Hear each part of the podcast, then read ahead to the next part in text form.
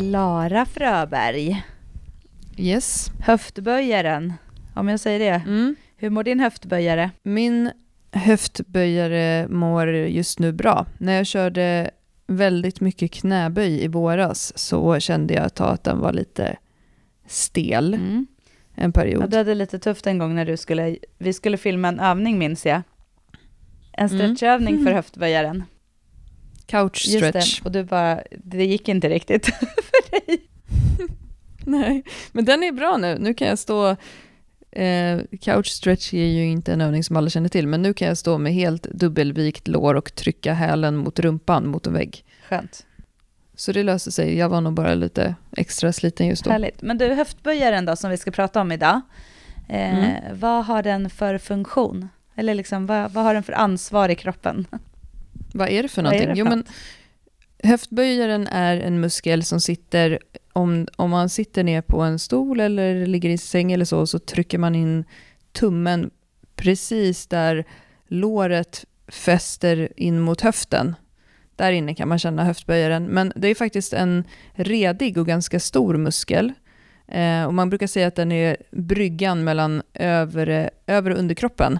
Eh, och vissa säger att den är som ett tjockt, en tjock trädgren där inne. Eh, och att det faktiskt är en av kroppens starkaste muskler. Och den eh, består av tre stycken separata muskler. Eh, psoas major, psoas minor och iliacus. Och tillsammans så bildar de en väldigt stark muskel som heter iliopsoas, men som många brukar bara kalla för psoas. Jag brukar nog säga iliopsoas när jag tänker efter. Men det är i alla fall som sagt en väldigt stor muskel. Och den går på framsidan av våra kotkroppar från den nedre delen av bröstryggen genom hela bäckenet och sen fäster den in på insidan av lårbenet. Och funktionen för den här muskelgruppen är att böja i höftleden, så den är ju otroligt viktig i allting som vi gör, men framförallt när vi går eller springer. Och det är kanske därför som vi träffar många löpare som vi tränar som kan känna att de har lite känningar och problem i höftböjaren. Ja, det är verkligen en muskel som många, som många har lite strul med, eller som upplever att de har lite strul med. Den kan ju också bli extra, liksom, man, om, man, om man får lite ont i höftböjaren så är det också väldigt lätt att tro att man är lite stel i den. Och det är ju ett favoritämne har det blivit när vi gör de här korta avsnitten och pratar om. Eh, så det ska vi snacka vidare om. Är man verkligen stel i muskeln och vad betyder det?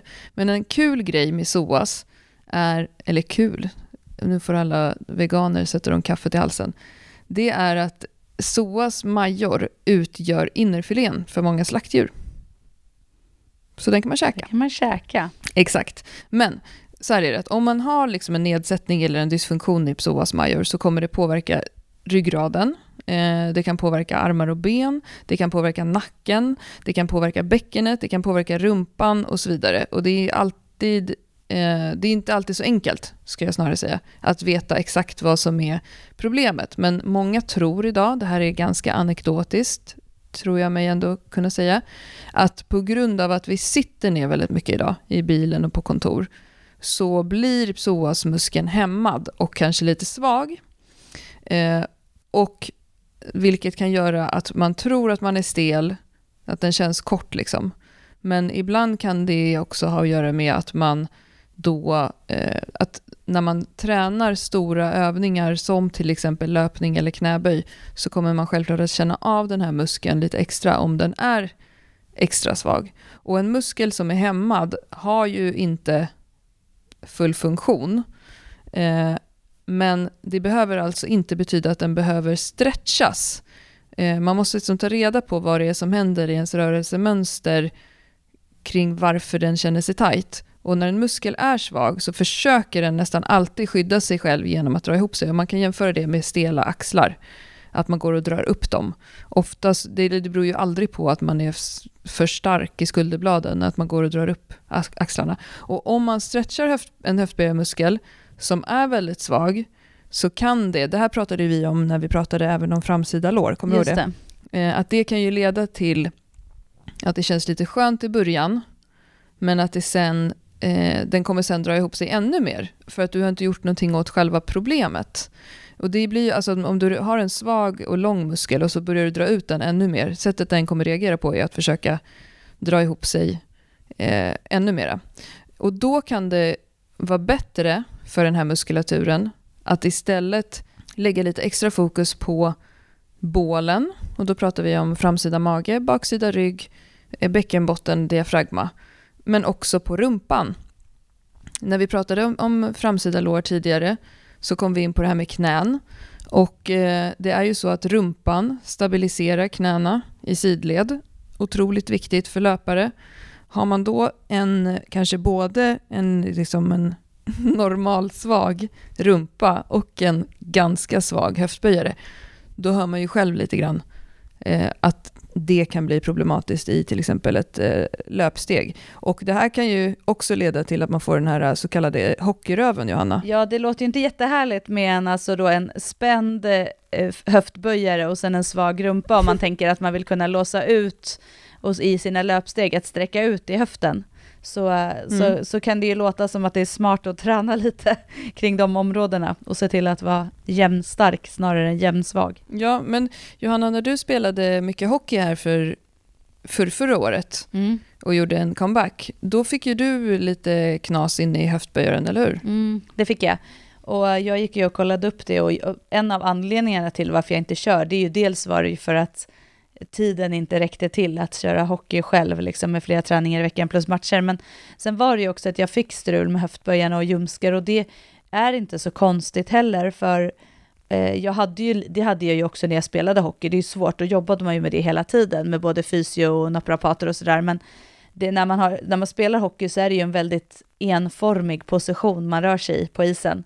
Eh, och mm. man, är ju väl, man är, sitter ju hela tiden egentligen i ett sitt, du är aldrig riktigt utlåst i höften.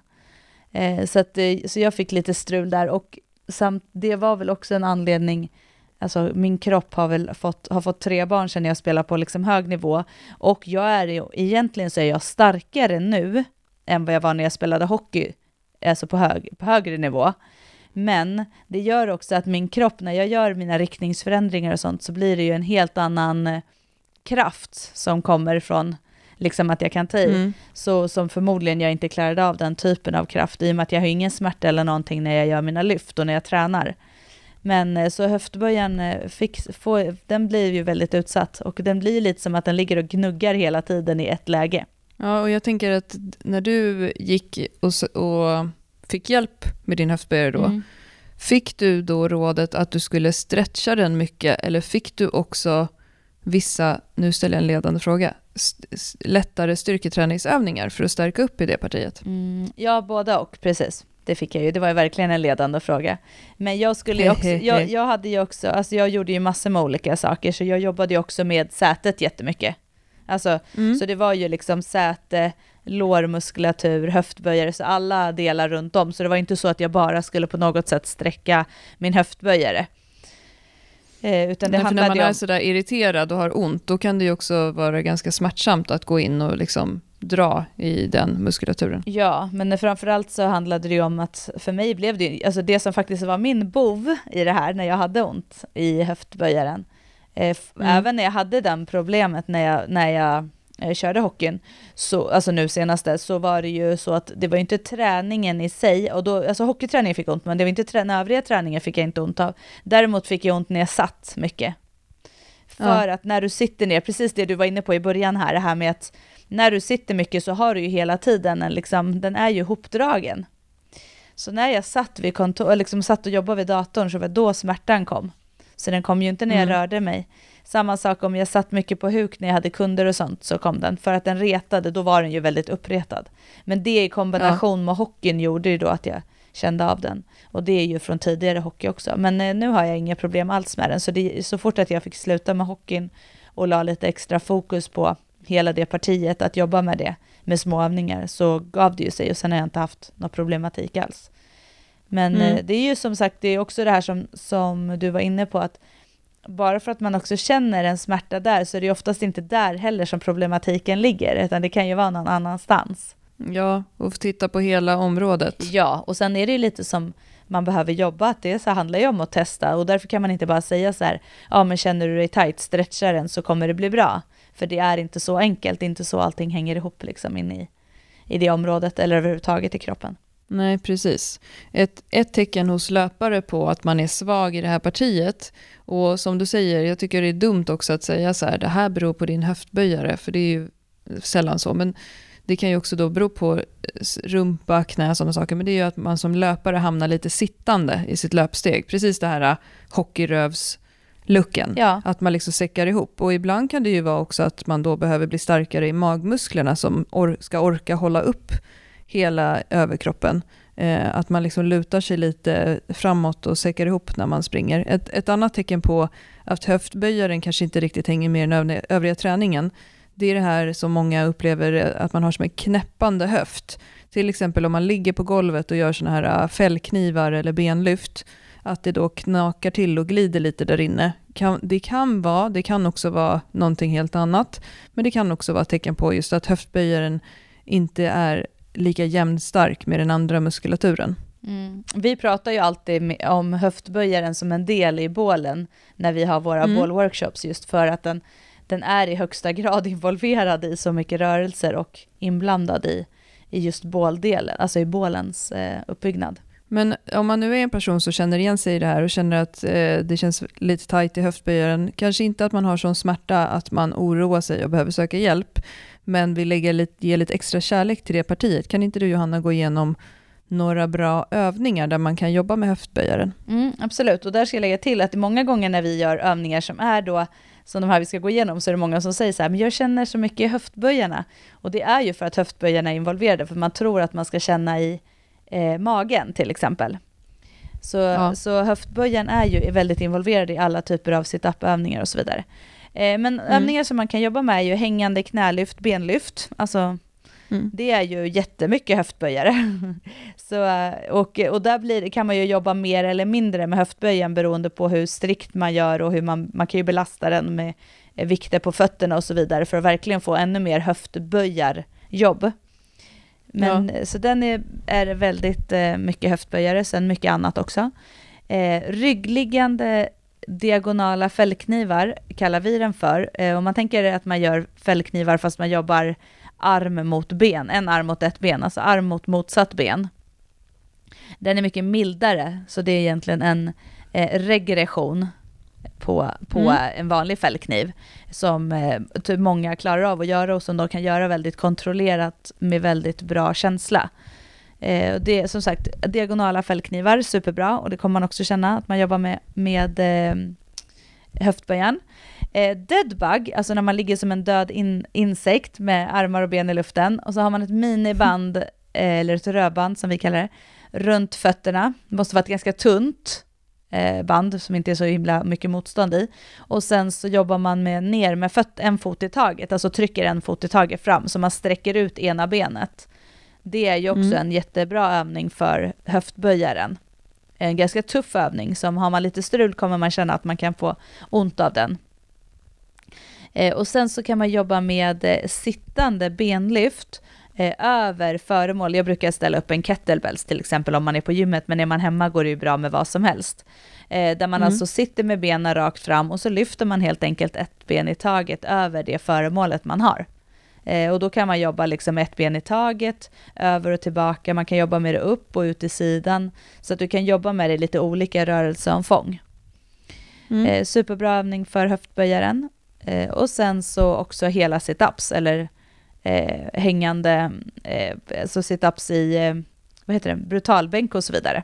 Så olika typer av stora situpsövningar jobbar också jättemycket med höftböjaren. Ja, och varför man till exempel inom crossfiten gör mycket stora situps, till exempel när de ligger upp och ner i såna här GHD som jag gjorde när jag råkade visa rumpan häromveckan. Ja. Men det är ju för att i crossfiten så jobbar man jättemycket med höft höftkicken, alltså den här kippingen, både i sina pull-ups och thrusters och vändningar och alla möjliga övningar. Och eh, det, de gör ju den situpen som en, när de lärde mig tekniken i den så visade de ju att det blir en helt annan övning i en situp i en maskin om du gör en höftkick samtidigt och trycker upp med höften. Så för dem är ju det framförallt en höftövning.